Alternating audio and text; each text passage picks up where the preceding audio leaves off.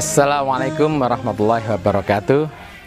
Innal hamdalillah nahmaduhu wa nasta'in wa nastaghfiruh wa na'udzu billahi min syururi anfusina wa min sayyiati a'malina.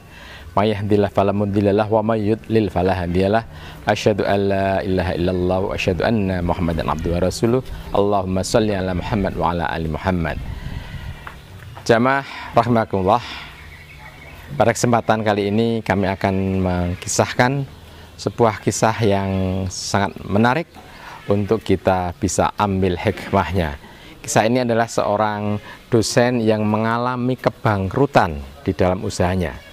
Jadi kita tahu bahwa seorang dosen itu dia seorang pengajar di sebuah universitas, tapi dia juga mempunyai kegiatan bisnis atau usaha ya, untuk bisa menambah income bagi keluarganya. Usahanya sudah sesungguhnya cukup maju dan dia uh, cukup berkembang juga. Tapi suatu saat ya, Allah berikan ujian kepada dia yaitu usahanya itu bangkrut dan bahkan dia mempunyai hutang yang sangat besar sekali.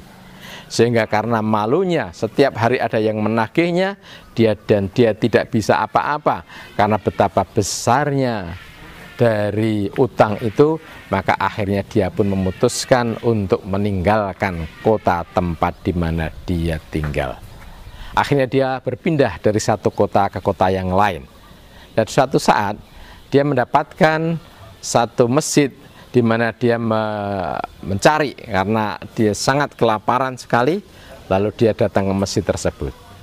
Ketika dia di masjid tersebut, dia lihat ada orang yang membagikan makanan atau bingkisan yang cukup banyak orang yang datang. Dia pun mengantri untuk mendapatkan makanan tersebut. Maka dia mendapatkan makanan dan bersyukur pada hari itu bisa makan dengan enaknya. Jamaah rahmatullah ya. Hari berikutnya orang ini pun datang dengan membagikan makanan kepada orang-orang atau jemaah-jemaah yang di situ, orang-orang fakir miskin yang datang, yang sangat banyak sekali. Dia lakukan ternyata setiap hari dia melakukan ini. Lalu uh, orang ini pun atau syekh ini pun akhirnya ingin ketemu dengan orang itu. Maka dia pada satu kesempatan dia berusaha untuk mendekat dan kesempatan itu pun dia peroleh. Maka ketika dia menemui orang atau dermawan tersebut, dia menanyakan, Wahai Syekh, kenapa engkau senantiasa memberikan makanan, memberikan hartamu kepada orang-orang yang ada di jamaah di masjid ini dan setiap hari apakah tidak habis dari hartamu kalau engkau keluarkan terus-menerus? Maka orang ini pun atau syekh ini pun akhirnya menjawab bahwa innallahu warrazzaq Dhul kuatin matin. Sesungguhnya itu Allah Maha Rozak Mempunyai rezeki Dhul kuatin matin Yang tidak pernah habis stoknya. Sangat banyak sekali. Dan dia senantiasa melafazkan Dikir ini. Allahu warrazak dhul kuatin matin. Allahu warrazak dhul kuatin matin. Allahu warrazak dhul kuatin matin Maka dengan keyakinan penuh maka betul Allah berikan rezekinya sehingga ia tidak perlu takut lagi untuk bersodakoh. Jamaah rahmatullah. Maka ketika Syekh ini mengetahui rahasia orang itu menjadi dermawan, maka dia kemudian pantang untuk mencari sumbangan atau bantuan, maka dia akan memulai usahanya lagi dan dia akan senantiasa berzikir dengan menyebut nama Allah Warrazak Dzul Matin. Maka hari demi hari pun dia lalui dengan berusaha keras dengan satu usaha strategi marketing yang bagus, produk yang bagus dan dilakukan dengan penuh keikhlasan karena niat lillahi taala untuk senantiasa memberikan hartanya di jalan Allah. Dia menyadari bahwa selama ini dia berbisnis adalah hanyalah untuk memenuhi kebutuhan dirinya dan keluarganya.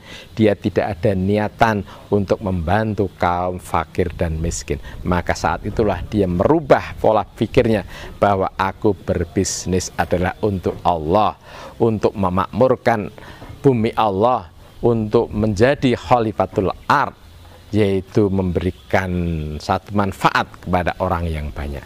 Maka Allah berikan jalan ketika dia sudah sungguh-sungguh bertekad untuk berbisnis di jalan Allah dia tinggalkan bisnisnya yang mengandung keharaman maka Masya Allah dalam waktu singkat bisnisnya pun berkembang.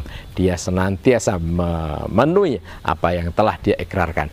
Dia meskipun untungnya sedikit dia berikan keuntungan itu sebagian untuk pengembangan bisnisnya sebagian untuk keluarganya dan sebagian adalah untuk jihad visabilillah untuk dibagikan bagi kaum fakir dan miskin maka luar biasa dalam waktu singkat usahanya ini berkembang pesat sehingga dia sudah tidak lagi harus meminta-minta dan pada akhirnya uh, hutang yang sangat besar pun bisa lunas. Oleh karena itulah jamaah rakumullah maka marilah kita niatkan di dalam setiap usaha kita, bisnis kita hanyalah untuk mencari keridhaan Allah Subhanahu wa taala. Kita kembangkan strategi-strategi baik itu marketing, memperbaiki kualitas produk maupun layanannya, tetapi semuanya itu adalah demi untuk mencari keridhaan Allah.